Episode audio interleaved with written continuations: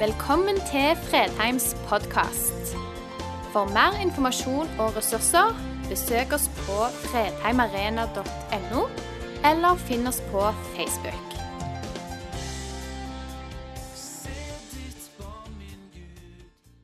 Vi har et tema for de to månedene og i starten av semesteret.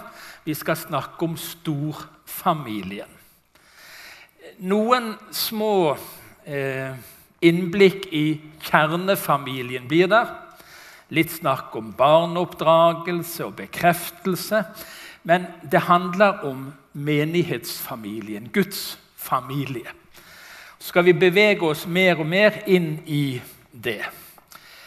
Bibelen sier at du ga dem rette ordninger, sanne lover, gode forskrifter og bud. Så når vi skal snakke om familie, storfamilie, så er det gode ordninger Gud har gitt oss. Han vil velsigne oss med denne måten å organisere livet på. Det var ikke for å straffe oss, det var for å velsigne oss. Og så sitter der i denne salen, og så lytter der mennesker til vår forkynnelse som har opplevd at dette med familie er blitt vanskelig. Det som på en måte skulle være det nære, det kjære, det gikk i stykker. Og den smerten er for mange ubegripelig stor. Og det er lett å kjenne at en bærer på skam, på avvisning. Og, i møte med den kristne storfamilien kan det være vanskelig å komme når det som på en måte idealet, gikk i stykker. Da har jeg lyst til å si det. Det er en plass til deg i storfamilien.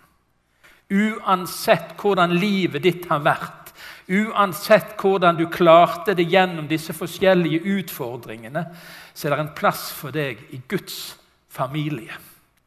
Og når kanskje den lille kjernefamilien ble ødelagt, gikk i stykker, og du kjenner på hvor vanskelig det er å møte igjen og den kristne forsamling.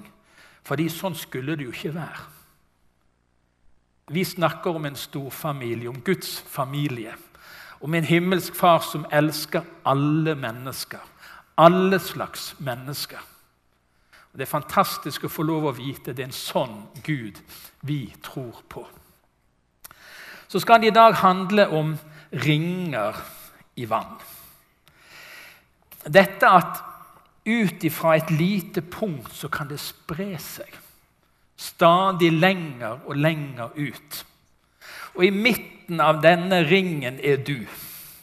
Og Vi skal bruke mest tid på det i dag. For hvis vi vil ha innflytelse i de neste ringene, så handler det om hvordan det er der inne, i den innerste ringen. Det er ikke så ofte vi spør hverandre lenger hvordan har du det med Gud. Det er sånn spørsmål så når jeg var ung, og det begynner jo å bli en ja, tomannsalder siden omtrent, så kunne det hende at det kom en sånn gammel kristen broder, og så kom han bort til deg på bedehuset og Nå, 'Hvordan har du det med Gud?' kunne de spørre. Og vi ble jo liksom forskrekka. Hvordan har vi det med Gud? Jeg savner at noen spør det spørsmålet. Hvordan har du det med Gud? Hvordan er det å være deg inne i den innerste ringen? Vi leser dagens tekst. Den finner vi i Matteus kapittel 22, vers 36 til vers 40. Og vi leser i Jesu navn. Mester, hvilket bud er det største i loven? Han svarte, du skal elske Herren din Gud av hele ditt hjerte, av hele din sjel og av all din forstand. Dette er det største og første budet. Men det andre er like stort. Du skal elske din neste som deg selv. På disse to budene hviler hele loven og profetene. Kristen tro er egentlig ganske enkelt. Det handler bare om to ting. Det kan til og med en mann klare å holde orden på to ting. sant? Vi klarer to ting. Vi er kalt til å elske Gud, og vi er kalt til å elske vår neste. Det er på en måte summen av hele det kristne budskapet. Og så må vi si Det er noen ganske krevende ting, da.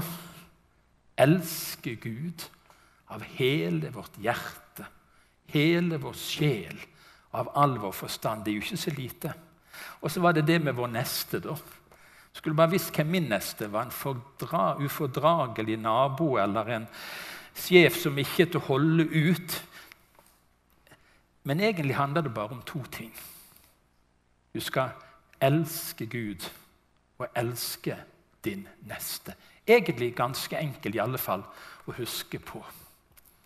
La oss begynne her inne i den innerste ringen. Du skal elske din neste som deg selv.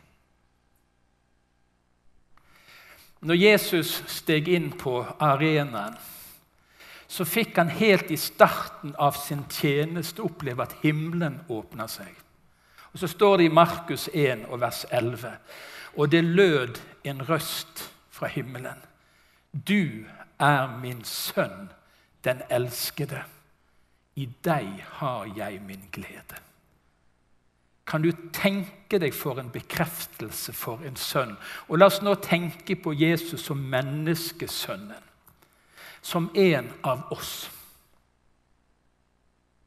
Få lov å begynne sin tjeneste med en bekreftelse fra sin himmelske far. Du er min sønn den elskede. I deg har jeg min glede. Jeg vet ikke om du opplever deg som et Guds problembarn. Du tenker med, Gud, Gud har noe mest problemer med meg. Nei, vet du hvordan Gud tenker om deg? Han tenker deg på, på, på, samme måten som med Jesus. Hvorfor gjør han det? For det står det i Bibelen. Men alle dem som tok imot ham, dem ga han rett til å bli Guds barn de som tror på hans navn. På en måte er vi likestilt med Jesus i forhold til Gud. Han er alltid Guds enbårne sønn. Eh, skapt, født fra evighet av, annerledes. Men på en måte er vi likestilt. Vi er Guds barn. Og Gud driver ikke og forfordeler. Gud er en rettferdig Gud. Gud er en Gud som elsker. Og din grunnstilling som en kristen det er at du er et Guds barn. Du er et Guds barn. Og ikke bare det, hør hva det står i Romerbrevet. Men er vi barn, er vi også arvinger. Vi er Guds arvinger og Kristi medarvinger. Så sant vi lider med ham, så skal vi også få del i herligheten sammen med ham. Det er ikke sånn at Jesus får noe liksom ekstra som sønn. Vi får del i arven, og vi får del i herligheten. Og Når jeg noen dager nå har bedt og arbeidet med denne preken, så ble det som det kom et budskap til noen på Fredheim denne søndagsformiddagen. Kanskje har du opplevd å savne den bekreftelsen. Kanskje opplever du ikke at du som Guds sønn eller datter har fått den bekreftelsen. Og Da har jeg lyst til å si det og omskrive dette verset litt fra Lukas 11. Du er min datter. Du er min sønn, den elskede. I deg har jeg min glede. Og nå er det jeg som sier det. Men jeg tror jeg kan si det på Guds vegne. Og Jeg har lyst til at du skal åpne deg for det og ta det inn. Du, min datter. Du, min sønn. Jeg elsker deg. Og om du har trøbla litt og ikke fått allting til, så har jeg min glede i deg. Ta opp et speil nå. Ta, ta, ta hånden opp og så tenk at det er et speil. Kom igjen, opp med hånden. Så ser du, Nå ser du deg i speilet, og så tenker du denne fyren der har Gud sin glede i. Den datteren der, den damen, den har Gud sin glede i. Gud har sin glede i deg. Han fryder og gleder seg over deg. Du som kom på gudstjeneste og tenkte Nå har jeg sulla det til igjen. Nå har jeg rota det til igjen. Gud har sin glede i deg. Er ikke det flott? En sånn Gud er det vi tror. Og det er den innerste sirkelen i disse ringene. Hvis du skal få betydning utover, så handler det om å få lov å falle til ro i at du er elska. Sånn som du er. Ikke sånn som du burde ha vært, men sånn som du er. Mens vi ennå var syndere, sier Bibelen, kom Jesus. Han venta ikke til vi var perfekte. Du, min datter, du, min sønn, i deg har jeg min glede. Der er noe Hvis et barn, en ungdom, et menneske skal kunne elske sin neste sunt, så trenger vi å lære å elske oss sjøl sunt. Og det er ikke den kjærligheten som reklamen kjører fram. What's in it for me? Det er ikke den type kjærlighet. Den har ingenting med Bibels kjærlighet å gjøre. Men det fins noen gode, grunnleggende ting vi kalles til å legge inn. Hvordan skapes det trygge og frimodige, sunne mennesker som er i stand til å elske andre? For du skjønner, Et sunt menneske elsker ved å sette andre fri. Et usunt menneske elsker med å binde folk til seg på en usunn måte. Hvordan skaper vi barn og ungdom og voksne kristne mennesker? Mennesker som elsker sunt. Vi elsker de søndag og sammen. Uten betingelser. Akkurat sånn som de er. Sånn elsker Gud deg. Sånn er vi kalt til å elske de vi har i vår nærhet, uten betingelser. Vi gir de positive bekreftelser, og vi setter sunne grenser.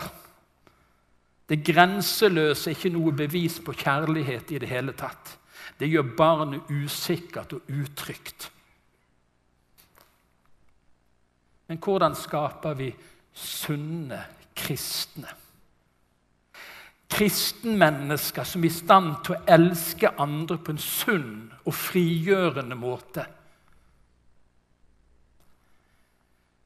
Det begynner med å vite seg elska. Jeg kunne tenkt meg hatt bare en hammer med meg her og så en spiker som slått det inn til du liksom sier 'ja, gå videre nå, nå tror jeg det'. Men det handler om å vite. Ikke bare med hodet, men å kjenne det. Jeg er elska. Gud elsker meg akkurat sånn som jeg er. Det handler om å på en måte ta imot det. 'Dette har jeg skrevet til dere', står der. For at dere skal vite at dere har evig liv, er Guds barn, vi som tror på Jesus. ikke er det flott? Du skal få vite det skal få vite det. Når jeg gikk på søndagsskolen, så hadde vi en sang. Våg å stå som Daniel dan, dan, dan, dan. Noen som husker den sangen? Det var jo liksom litt sånn heltesangen. Sånn Daniel. Men òg når jeg forberedte denne preken, så dukket Daniel opp. Av en eller annen grunn så kom han seilende inn fra sidelinjen. Daniel med et en opplevelse av å blitt tatt vekk fra sin familie. Tatt vekk fra sitt land. Tatt vekk fra alt det trygge. Et eller annet var skapt i Daniel som gjorde at han fikk en innflytelse over et verdensrike. Jeg tror ikke du og meg nødvendigvis skal bety noe for hele verden. Ok, Jo, misjonalt skal vi prøve å gjøre det, men la oss ta det bitte litt sånn hva var det med Daniel som gjorde at den ene personen, den unge gutten sammen med sine tre venner, som ringer i vann, spredte innflytelsen seg stadig lenger utover i et daværende verdensrike? To ting. Han gikk ikke på kompromiss. Han gikk ikke på kompromiss. Israelsfolkets store problem gjennom hele bibelhistorien var at de gikk på kompromiss. De tok etter nabofolkene sine guder og gudsdyrkelse. Og så mista de kraften, og så mista de innflytelsen. Daniel, som er tatt mot sin vilje og plassert i maktens sentrum, ble frista til å gå på kompromiss. Men så sier han nei.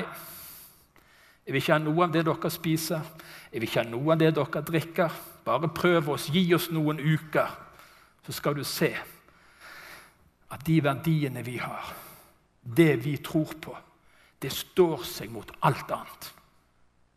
Og Så går det noen uker, og så kommer kongens tjener, og så ser han disse fire fra Jerusalem. Og så ser han at de er annerledes. De er prega av noe fordi de ikke ville gå på kompromiss. Hvis du vil ha innflytelse, hvis ringen din skal utvide seg, så er det ikke kompromisset som skaper innflytelse. Det å stå på de verdiene som du har med deg, som er knytta til troen din. Det andre som kjennetegnte Daniel, at han hadde bærekraftige rytmer i sitt gudsforhold. Uansett hva som skjedde, om det var lovlig eller ulovlig. Han gikk inn på rommet sitt, åpna vinduet flere ganger til dagen. Så vendte han blikket sitt mot Jerusalem, så tilba han sin himmelske far. Uansett. Og Gjennom disse bærekraftige rytmene så skaptes der en personlighet, et kristent menneske, om du vil, som fikk en enorm innflytelse. Gikk ikke på kompromiss. Han hadde en orden, en rytme i sitt gudsliv. Og nå var ikke det jeg visste at det kom noe sånn kjedelig i dag òg. Det der jeg ikke får til, skal vi gå tilbake og si Gud har sin glede i deg uansett. Er det greit? Det forandrer ikke din stilling hos Gud om du har orden eller ikke orden på ditt bønneliv og din bibellesing. Men det har noe å si for din innflytelse. Det har noe å si for om denne indre ringen skal få bety noe positivt for andre mennesker.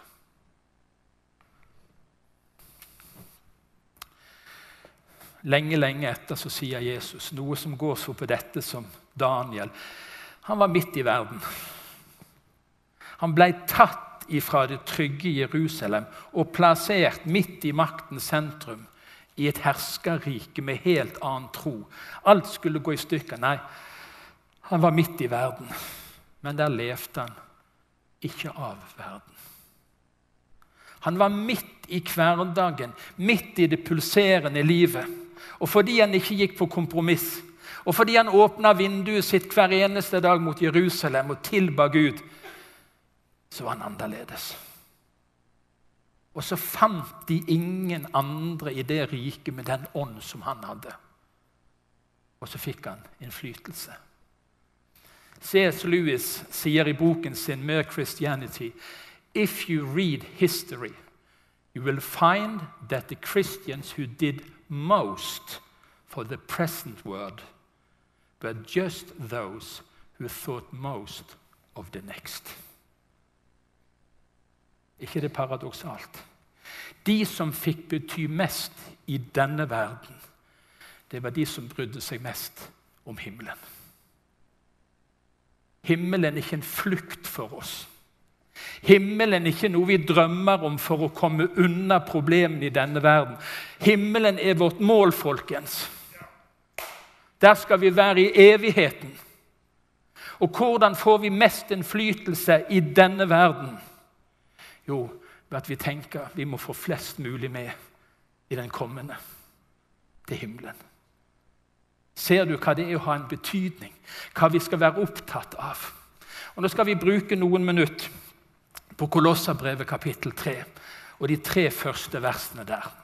Lytt, lytt, lytt nøye. Er dere da reist opp med Kristus, så søk det som er der oppe hvor Kristus sitter ved Guds høyre hånd. La sinnet være vendt mot det som er der oppe, ikke mot det som er på jorden. Dere er jo døde, og deres liv er skjult med Kristus i Gud. Vi er reist opp med Kristus.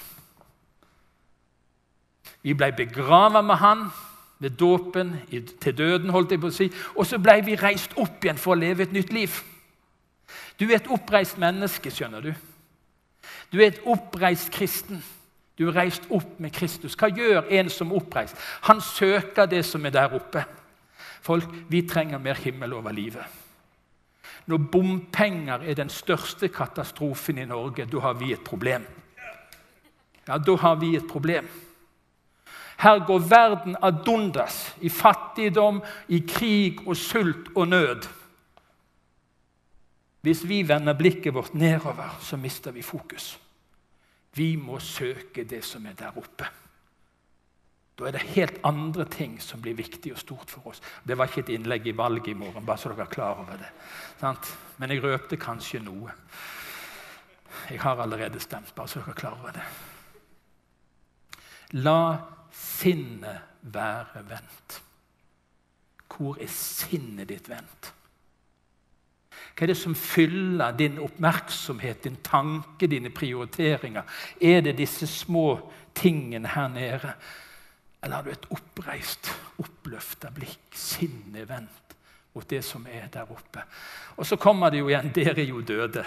Ja, det ser jo sånn ut. Noen av dere ser sånn ut, det kan jeg si, men det er greit nok. Sant? Vi er døde.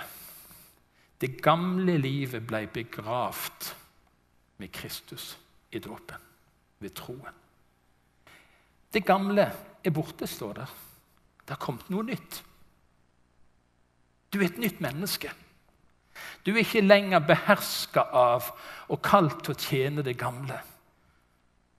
Du er død, og du er reist opp med Kristus. Vi, vi går bitte litt lenger ut. Har du fått med deg at du elsker? Har du fått med deg at Gud har sin glede i deg? Da kan du være i stand til å elske dine nærmeste. Dette er et kraftig ord. En som ikke har omsorg for sine nærmeste, og særlig for sin egen familie, har fornektet troen og er verre enn en vantro. Huh. Folkens, er det noen som trenger forbønn her? Skal vi bare ta det med en gang? Hva er det å være verre enn en vantro? Det er heftige saker, det. Det går an å være verre enn en vantro. Og det ikke bry seg om familien sin. Det er alvorlig, det. Og det er viktig. For du skjønner, ringene fra vårt liv begynner med våre nærmeste. Enten vi bor i en kjernefamilie, du er aleine med barn, eller du har søsken, foreldre. Det begynner alltid med de nærmeste. Vår omsorg for storfamilien begynner med de nærmeste. Du mener livet er en kamp. Jeg er enig. Men rett som det er, er det hjemmekamp. Og vi topper laget, har sola i ryggen, medvind, og alle heier på oss. ikke det et nydelig dikt av Trygve Skau? Vanligvis er det med hjemmebane en fordel for de fleste idretter. Det er noen som får litt panikk når de skal gjøre noe på hjemmebane. Men for de fleste så sier de at den tolvte spilleren i fotballbanen, det er tilskuerne som heier. Hjemmebane. Og Ofte så snakker vi om hjemmebanen på en sånn måte Å, det er vanskelig, det. Hva var det han sa, Ludvig? Det er farlig, det. Det, det, er liksom det der vanskelige, det er hjemme. Men egentlig så er hjemmekampen der vi har vår største mulighet til å ha innflytelse positivt på de menneskene som er oss nær. Det er de vi kan såre mest. Det er de som kan bli mest skuffa av oss. Og samtidig er de vi har størst innflytelse på. Med alt vi har både av tro og liv og verdier. Og Nå har jeg et budskap til besteforeldre. Alle besteforeldre opp med hånden. Jeg får se hvor mange besteforeldre det er. Ja, flott. Og så alle som har tenkt å bli besteforeldre, opp med hånden. Ja, men Da nærmer det seg. Yes. Et tett forhold mellom besteforeldre og barnebarn har enorm verdi for både de eldre og de yngre, viser forskning fra University of Oxford and Boston College. Have you heard about that? Yeah, ok. Men de har altså forska på det. Og Her er det en vinn-vinn-situasjon som er helt unik. Hør hva som skjer med barn som har et nært forhold til sine besteforeldre. De takler mobbing bedre. De klarer seg i livets kaos bedre.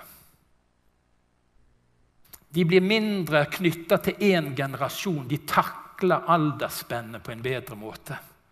Og færre opplever depresjon. Besteforeldre, jeg har et ord til dere. Din innflytelse, ditt liv, den første ringen ut forbi, kan handle om dine barn og dine barnebarn.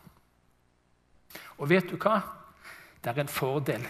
Besteforeldre som har et tett forhold til sine barnebarn, lever statistisk sett fem år lengre. Hæ? Så nå har jeg plussa på fem år etter jeg leste dette. her. Og jeg hadde allerede tenkt å bli 90, så da ligger jeg godt an. Kan du tenke deg? For Og vi som får oppleve det tett på, kjenner jo hvilken velsignelse det er å få lov å være nær den neste generasjonen. Få lov å kjenne den ubetinga kjærligheten de møter oss med. Og det vi kan få lov å være litt grenseløse i vår kjærlighet til de. Nå har jeg et ord til dere besteforeldre. Dere har muligheten til å leve frihetens gode liv prioriterer dere sjøl. fordi vi fortjener det. Eller du har muligheten til å si det er en større verdi. Jeg vil ha innflytelse på generasjonene som kommer. Jeg vil bety en forskjell inn i barnebarna sitt liv. Tenk det! For en mulighet vi har. En farfar sitt fang, det er godt å ha. For farfar har vært her før.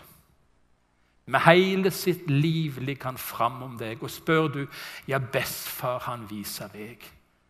Ja, en farfar i livet skulle alle ha. En nydelig sang. Fantastisk. Hvorfor? Fordi vi har vært der før. Har, nå har jeg 62 år snart erfaring. Jeg har noe å gi mine barnebarn fordi jeg har levd lenge. De trenger det. De trenger det for sin tro, og de trenger det for å bli sunne mennesker som blir i stand til å elske andre på en sunn måte. Så la oss gjøre godt mot alle så lenge det er tid.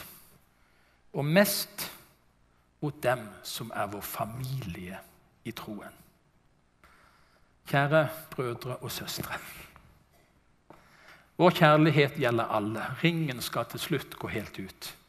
Men på veien fra ditt indre liv, de aller nærmeste, så er storfamilien der.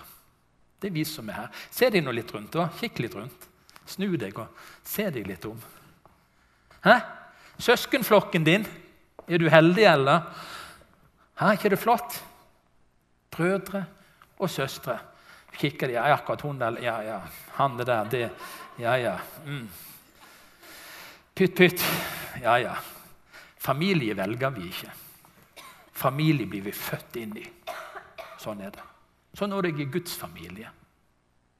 Vi som er her inne, er kalt til i vår på en måte innflytelsessfære. Og så er vi kalt til å bety noe for hverandre.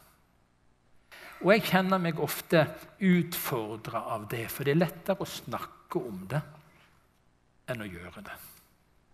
Og kanskje har du opplevd skuffelser i den kristne storfamilien, for det ble så mye snakk om det. Og så ble det så lite handling. Det ble liksom ikke praksis. Mine barn, La oss elske. Ikke med tomme ord, men i gjerning og sannhet. Hør hva det står. Slik skal vi vite at vi er av sannheten. Og vi skal la vårt hjerte falle til ro for Hans ansikt. Der er noe som skjer i det kristent mennesket som åpner opp fra den indre kjernen og slipper storfamilien til. Vi faller til ro for hans ansikt. Hvorfor gjør vi det? Fordi vi viser i handling at vi bryr oss om familien. Og hvem er familien? Det er Guds sønner og døtre. Det er jo de de er. Det er jo mine søsken i troen. Det er et tredje punkt i dag. Er dere enige med at vi kutter det? Vi, stopper der i dag. Så kan dere få komme igjen en annen søndag, så skal vi snakke mer om det. Og så skal det handle om de neste. Så skal vi gå like til jordens ender. Men kjære deg, nå skal vi ha et fellesskapsmåltid. I storfamilien spiser vi sammen. Vi gjør jo det. Vi feirer sammen. I dag er nattværbordet dekka. Utenom å være et nådemåltid er det et fellesskapsmåltid. I dag har jeg lyst til at du på en spesiell måte når du går til nattverd, skal kjenne fest i familien. Feiring i familien. Den som står foran deg, og den som kommer etter deg, det er din bror og din søster.